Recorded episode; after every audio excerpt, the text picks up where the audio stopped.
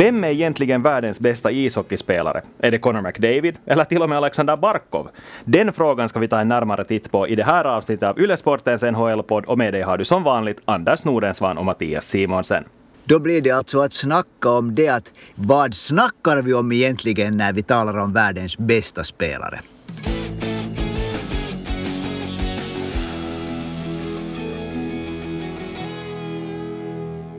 Ja, det går ju inte att undvika faktumet att Alexander Barkov är glödhet för tillfället. Han har stått för 37 poäng på 31 matcher har varit en av de största orsakerna till att Florida Panthers är så bra som de faktiskt är för tillfället. Och efter en av de här senaste segrarna så konstaterar målvakten Sergej Bobrovski att Sasha nu enligt honom borde nämnas i diskussionen om vem som är världens bästa spelare just nu och därför ska vi ta en titt på det här. Anders, är det nu så? Är Barkov en av världens bästa spelare, om inte den bästa spelaren? Att han hör till de bästa i världen är väl, en, är väl nog någonting som är på ett sätt helt självklart för tillfället. Och det här med att vem som är bäst i världen, det är, nog en, det är, en, det är ju en diskussion som är såklart alltid och kommer för evigt att förbli subjektiv. Alla har sina favoriter. Men om man försöker liksom närma sig på, det på något sätt så att det, att det låter analytiskt så tycker jag att det finns vissa saker, vissa sådana här grundregler. Jag tycker att om man ser på ishockey så åtminstone i avdelning nu är det så att det är centern som är på ett sätt det blir en center som är bäst i världen. Eftersom centerns roll är så krävande. Man ska leda äh, anfallsspelet, ta teckningar och sen blir det också den här, en riktig toppcenter ska ju också ta det här eh, defensiva ansvaret. Som, om första kriteriet, visst är det en center som är världens bästa, så kan du hålla med mig om det här? Eh, ja, alltså när jag försökte lista de här spelarna som då skulle kunna vara aktuella för den här diskussionen så är det ju i princip bara centrar som man lyfter fram här. Vi snackar just Connor McDavid, den poängfarligaste spelaren i världen just nu, Leon Draisaitl, Nathan McKinnon, eh, Alexander Barkov förstås. Men sen också finns det en här som man kanske ändå måste lyfta upp i och med att ishockey handlar om att göra mål och den som är bäst på att göra mål är kanske Alexander Ovechkin och han är ju en ytter. Så eh, han är kanske undantaget som bevisar regeln, men det är just det att jag ändå kanske inte skulle lyfta upp honom i samma, samma skikt av stratosfären som resten av de här centrarna här. Att, att nu måste jag hålla med dig så tillvida. Och det vill jag också få så här sagt att det här är ju egentligen en ganska onödig diskussion, för helt som du sa så är det ju så otroligt subjektivt att tycka vem man tycker att är den bästa spelaren i världen, för det finns så många många olika saker man kan titta på, vad som, vad som egentligen utgör den som ska vara bäst. Men eh, nej, det är ju roligt att snacka det, så tycker jag att vi gör det ändå. Ja, visst, är det, visst är det kanske världens viktigaste oviktiga diskussion att vem som är bäst i världen på att spela ishockey. Det är ju, det är ju liksom Nobelpriset får vika undan. Det här är, det här är fråga om stora saker.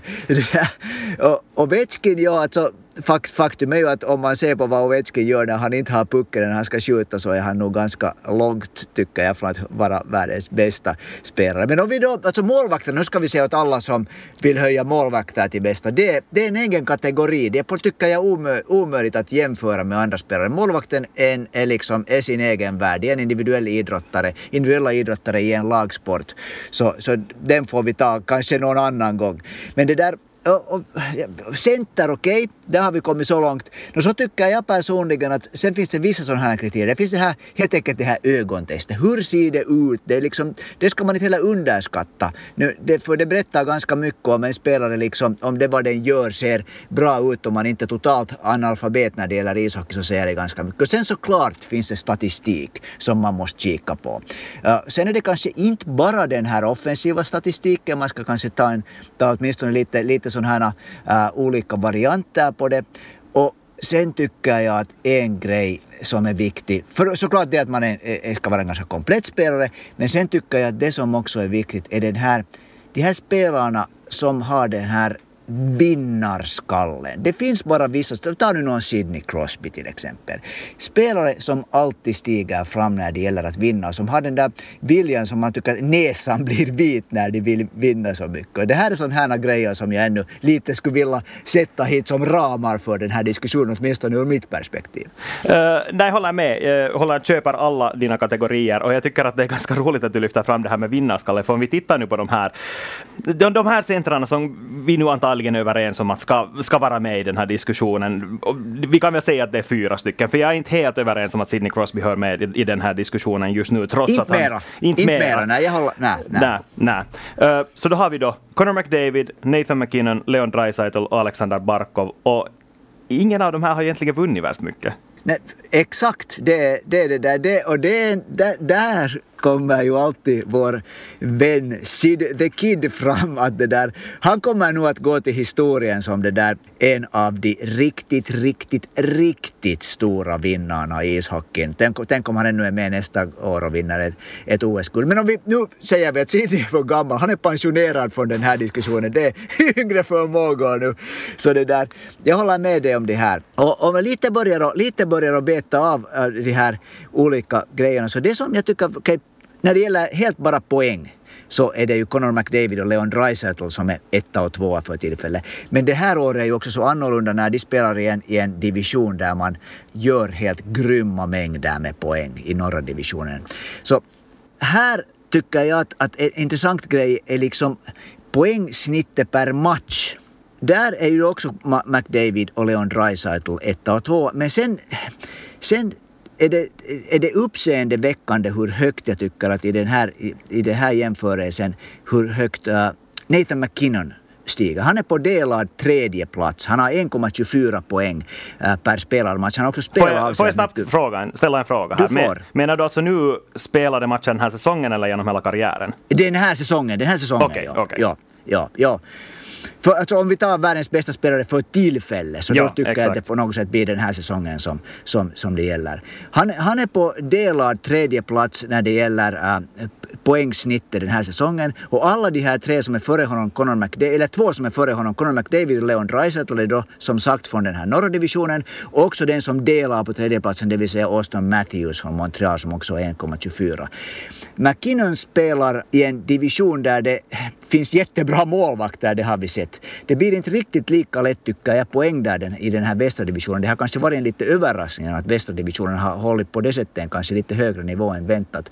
Så, så, för, så för mig så det där, eh, det här poängsnittet kanske någonting som lyfter McKinnon upp om man jämför med McDavid och, och Dreisaitl. Och sen då Alexander Barkov som är här på, på det där, en på en, han är på en femte plats när det gäller poängsitt. Han har 1,19 eh, poäng. Så han spelar i en verkligt tuff division, i, i Central Division. Så det där, äh, McKinnon och Barkov tycker jag att här liksom man måste sätta det i proportion proportion att, att de här äh, McDavid och Dreisaitl får sina poäng kanske lite lättare. Mm. Och när vi är inne på det här statistiksnacket så måste jag lyfta fram en ganska intressant detalj. Uh, Conor McDavid leder poängligan alldeles överlägset med sina 60 poäng. Leon Draisaitl är tvåa med 50 poäng. Men, och nu vet jag att vi tar fram den här omtvistade plus minus statistiken, men jag tycker ja. att i det här fallet så är den ganska talande. För Conor McDavids plus minus är bara plus 15 i jämförelse med Leon Draisaitls plus 23.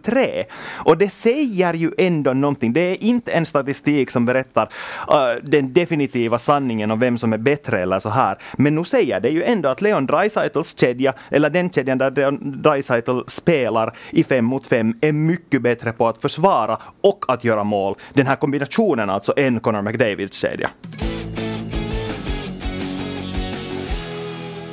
Ja, det där la jag också märke till. Dessutom så, så äh, äh, äh Dreisaitl vinner mera teckningar än, än, än vad McDavid gör. Men nu kom du bra in på det här, det här tycker, tycker jag, liksom det här andra sidan av poängerna. Och där är en statistik som jag tycker att är väldigt intressant. Och det är hur många mål som, man, som spelaren har varit inne på när, man, när egna laget gör mål och hur många som har gjorts emot laget.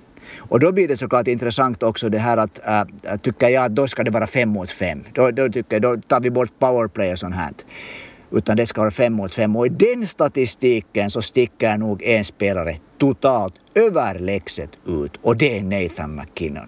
Han har hittills den här säsongen varit inne på 26 mål och sju mål har gjorts emot Colorado med fem mot fem när han är inne på isen. Vilket betyder att hans procent då är 78,79 som ju är helt sjuk.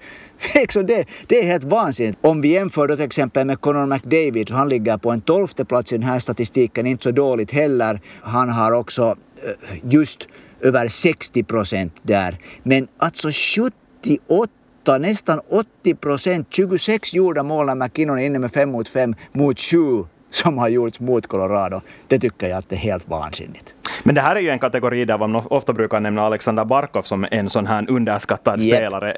Uh, hans defensiva insatser är ju kanske det som lyfter upp honom in i den här diskussionen överhuvudtaget. Så hur ser hans siffror ut där? Det ser jättebra ut. Han har varit inne med 5 mot 5. 23 mål har han varit inne på när, när Florida har gjort neta och 14 har gjorts emot Florida. Hans procent ligger också på 62,16 vilket ju är bra. Och så ska vi komma ihåg att den där centrala divisionen är tuff. Det, så, det kunde alla se som för ett par dagar sedan till exempel. Kika på Tampa Bay och Floridas match. Det var verkligen högklassig ishockey och, och svåra, svåra lag både att göra mål på.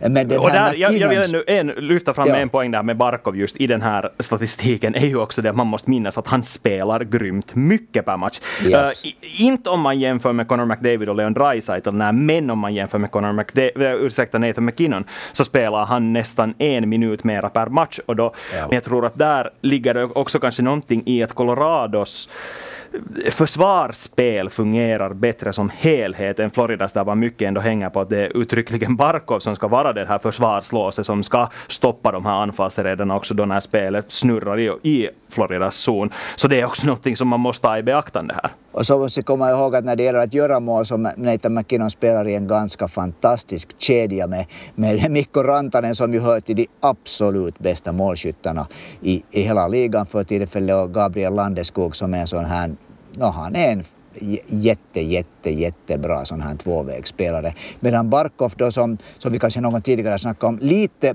är, är den här ensamma kärnan i sin kedja. Han gör sina äh, kedjekompisar äh, liksom bättre efter. Han spelar ju nu med Jonathan Huberdeau så han, det där, äh, han, han liksom på det sättet drar lite ensam sin kedja. Så jag är lite av den åsikten att om vi nu ska ta den, den spelare som är, har största inverkan för tillfället så tycker jag personligen att McKinnon och Barkov är ett steg före McDavid och Dreisaitl. Det, det där eh, vad, va, vad sägs? alltså jag håller egentligen med. Men jag skulle ändå lyfta Leon Draisaitl upp i den här samma diskussionen.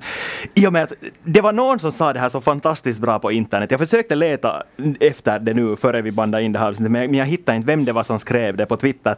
Att Connor McDavid är en spelare som behöver en annan center för att spela väldigt bra. Och det säger ju mycket om det här, helt som du lyfter fram det här att man gör sina kedjekamrater till bättre spelare. Så det verkar ju Leon Draisaitl göra till Connor McDavid då när de spelar tillsammans, att han lyckas lyfta Connor McDavid till en annan nivå. Förstås handlar det om ett samspel, det handlar om ändå två av världens bästa spelare som när de sätts på isen samtidigt så förstås ska det leda till offensiva fyrverkerier och en massa mål. Men ändå tycker jag att det är på något sätt väldigt beskrivande för det där, du, du talar om det här ögonmåttet då i början. Och, och det säger ganska mycket om, om just allt det här. För man känner igen på något sätt att när Nathan McKinnon är inne på isen så vet man att hela kedjan kommer att, att vara livsfarlig. När Alexander Barkov är inne på isen vet man att okej, okay, här är en kille som de kan lita på både i defensiven och så kommer han också nu att skapa farligheter i offensiven. Och detsamma gäller li, lite Leon Draisaitl. Medan när Connor McDavid kommer in så hoppas man nästan på att det kommer att komma något sånt här highlight-mål, att han själv kommer att göra något alldeles otroligt där på isen, vilket han ofta gör. Men samtidigt så finns det kanske någonting ändå som saknas i det där just hur hans kedja spelar, eller hur han lyfter fram sina lagkamrater. Det har vi ju snackat om tidigare, men just i den här diskussionen så blir det en ganska viktig variabel att, att tänka på, tycker jag. Och, och det där, just det här, jag tycker att Conor McDavid, emellan har han sådana här kvällar när han gör vad som helst. Men att han är emellan en spelare också som inte lyckas tända laget på nytt när det till exempel blir ett eller två mål efter. No, det här är nu kanske en sån här, det här, är, det här har jag nu inte stenhårt bevis på att någon kan, någon kan skjuta ner det argumentet. Men jag, jag har en sån här bild att det ganska ofta är på det sättet för Edmonton. Medan ju eh, Barkov, Florida är, är jättebra på att kliva in i matcher på nytt och det är ofta tack vare Alexander Barkov. Och Nathan McKinnon är, tycker jag, den här han är en helt fruktansvärd sån här liksom kille som desto mera pressad situation det är, desto mera det behövs ett mål. Så han blir bara liksom bättre och bättre och bättre och bättre och han tar också, tycker jag, då, i sådana skeden med sina medspelare bättre. Han är säkert inte lätt att spela med, det har jag förstått, att han är liksom en jättekrävande center att spela med. Men när han spelar med rätta spelare så det där så han, han har en sån här skruv som blir spändare och spändare och spändare. Men så ska vi komma ihåg, jag säger nu det här, det blir en lång det här monolog, att Conor McDavid är ett par år yngre än Nathan äh, McKinnon, det måste vi komma ihåg.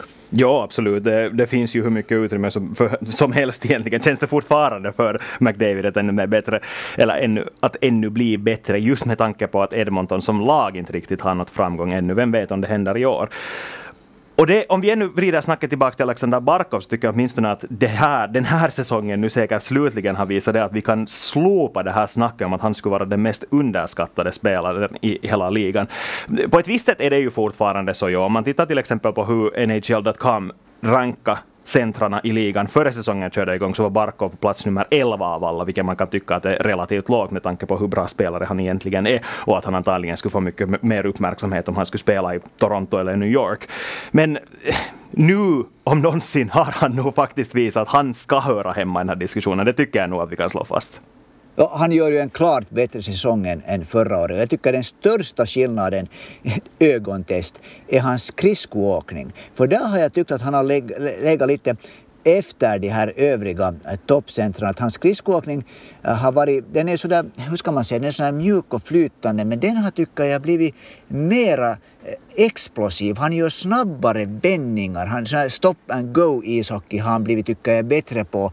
Så att det där, han jag skulle säga att, att Barkov är den spelare av de här toppcentrarna som har tagit det största steget framåt under den här, den här den där säsongen. Mm. Och där måste vi ju ändå lyfta fram kedjekamraterna också. Jag vet att du sa här tidigare att de inte håller samma nivå som Gabriel Landeskog och, och Mikko Rantanen. Och det är, ju, det är ju inget snack om den saken. Men nu är ju fortfarande Anthony Duclair och Carter Verhage klart bättre än de spelarna han har spelat med tillsammans tidigare. Eller inte nödvändigtvis bättre som inte spelare. Inte Nej, förstås inte. Men samtidigt så finns det på något sätt...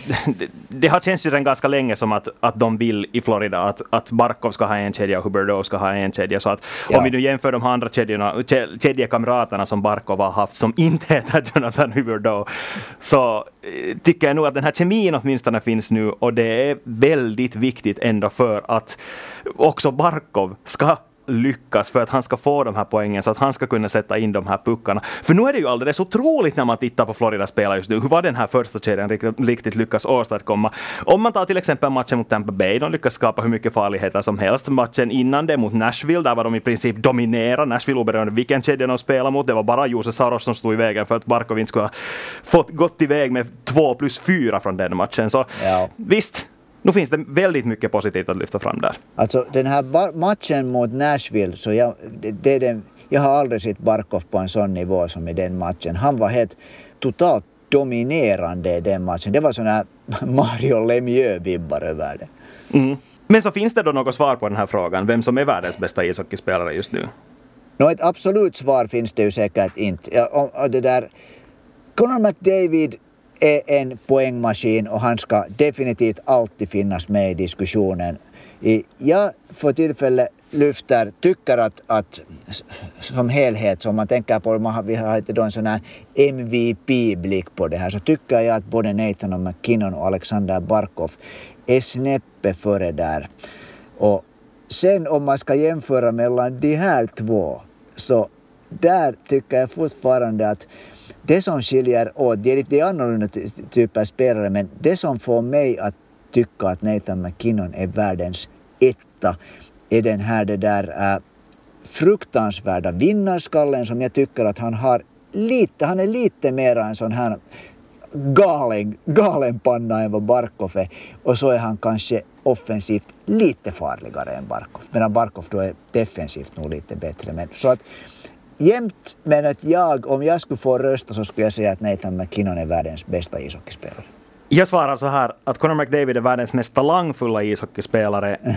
Men om vidometer enligt vem som skulle vara mest aktuell för årets MVP-pris så lyfter jag faktiskt fram Alexander Barkov. Jag tycker att Barkov är alldeles vansinnigt mycket mer viktig för Florida än vad McKinnon är för Colorado just nu. No, det är inte vansinnigt mycket, de är båda otroligt viktiga för sina lag. Men ändå tycker jag att Barkov har en större roll i Floridas framgång än vad McKinnon har i Colorados framgång. Och det och de, om, vi, om vi säger så, så pratar vi alltså om de kanske två absolut viktigaste spelarna för sina lag. Så det, är inte, det här är inte att kritisera McKinnon överhuvudtaget, men jag, jag vågar påstå att Barkov är snäppe, snäppe viktigare just nu.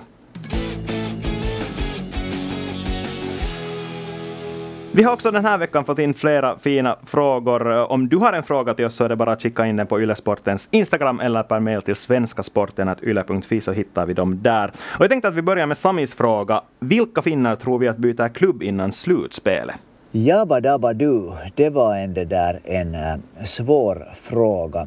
No, mycket har det ju diskuterats om att Mikael Granlund är, är liksom en spelare som många är ute efter. Det har talats mycket om att Toronto skulle vara ute efter honom.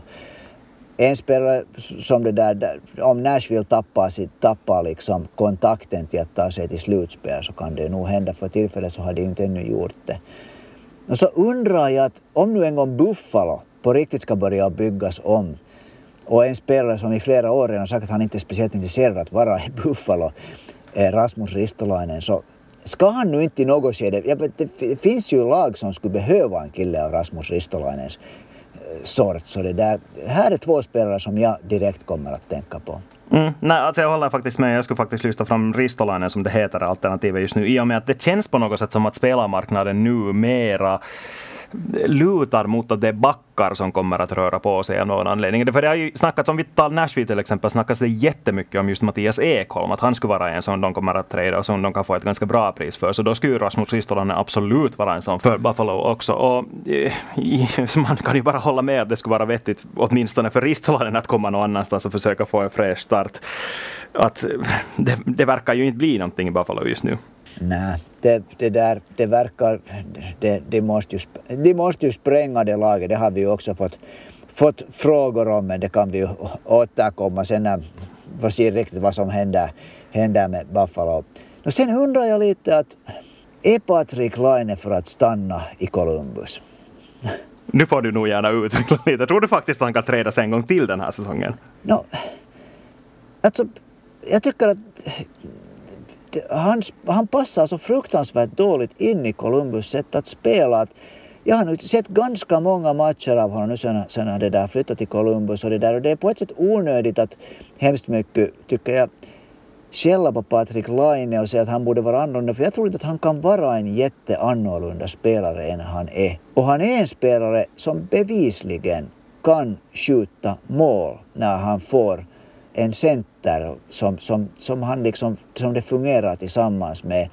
Och vad jag nu vet så är det fortfarande mål som avgör en ishockeymatch. Ja, alltså jag köper nog i princip det vad du säger, men samtidigt känns det ju på något sätt helt vansinnigt att, att Jarmo Kekäläinen skulle sälja honom nu eh, bara några månader efter att ha shoppat in honom. Att jag menar att, ja såklart, det finns inga garantier för att han ens vill stanna och att mycket av snacket går ju nu kring det att, att det antingen är eller John Tortorella som kommer att fortsätta det här laget efter den här säsongen. Att de båda inte kan, kan vara i samma lag helt enkelt, att det är en ekvation som inte går ihop. Trots att jag personligen tror att det är ganska, uh, ska vi säga att man gör lite för stora rubriker om det för att de båda är sådana personligheter som säger exakt vad de tycker, till och med i media och då kan det koka över ibland om man säger på det sättet. Men uh, nej, alltså, nej, nej, det känns jätteosannolikt på något sätt att, att Line skulle träda sig nu. Och, och samtidigt kan man ju också tycka att priset för honom i så fall har sänkts ganska mycket för att människor, de andra lagen nu ser på Line i Columbus tänker att ah, Kanske han bara passar där i Winnipegs andra kedja. Kanske han inte är, inte är en bättre spelare än så. Att varför skulle vi ta en risktagning och ta in honom nu när vi dessutom antagligen inte ens får för, förlänga med honom i sommar?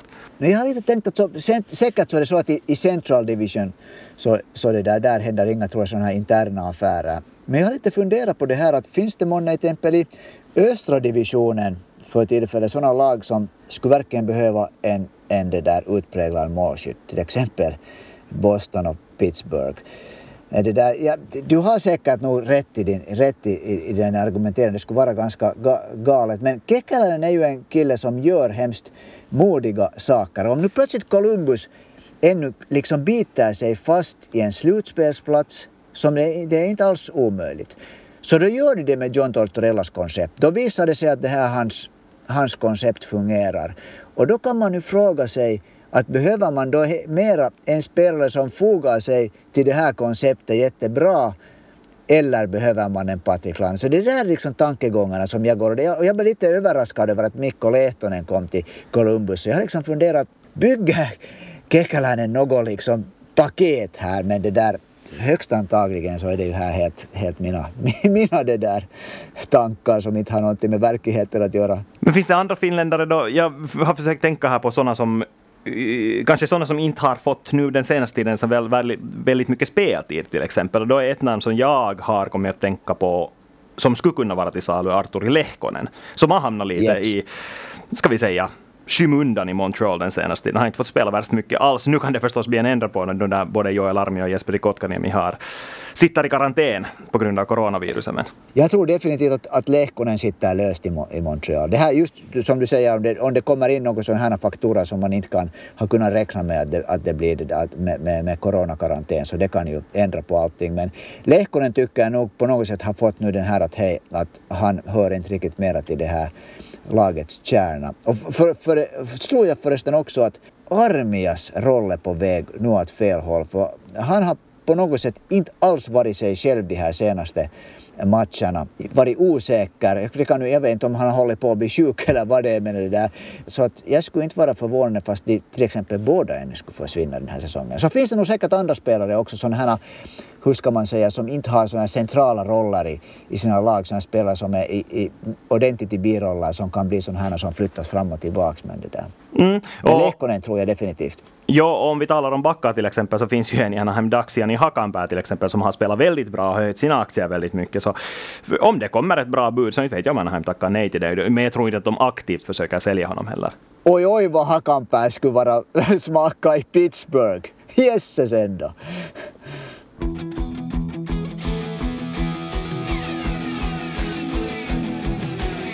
Men hej, vi hinner med en fråga till. Jonas undrar om Eli Tolvanen börjar växa upp till den NHL-spelare som det var tänkt att han skulle bli då när han draftades. Det är kanske ändå lite väl optimistiskt i och med den här förhandshypen. Eller ja, inte vet jag. Då han draftades var ju kanske hypen inte lika stor. Det var ju under det här året i Jokerit som det på något sätt höjdes till skyarna när det kom en 18-årig kille som pangade in mål på löpande band i KHL som skulle bli den här Nashville Predators frälsare. Så kanske ja, man kan säga att han börjar infria draftförväntningarna åtminstone. Kommer du ihåg att vi hade en diskussion om tolvaren här för en tid sedan och då var jag mycket skeptisk till att han skulle bli en NHL-spelare för jag sa då det, att, att om han ska bli en NHL-spelare så måste han vara en, en målskytt, en som gör mycket poäng för att han har inte, det är liksom den, han ska vara i en toppkedja. Och nu är det ju precis under de senaste två veckorna den rollen han har tagit i Nashville. Han har, på, han har egentligen blivit Nashvilles farligaste offensiva vapen här under de här två veckorna. Så det där tolvanens utveckling är nog på väg nu. Och det ska jag säga att jag är jätteöverraskad och glatt överraskad. Jag skulle säga att han håller på att växa in i den rollen. Och där kan vi ta och sätta punkt för det här avsnittet av Yle Sportens NHL-podd. Vi är tillbaka igen nästa vecka med ett nytt avsnitt.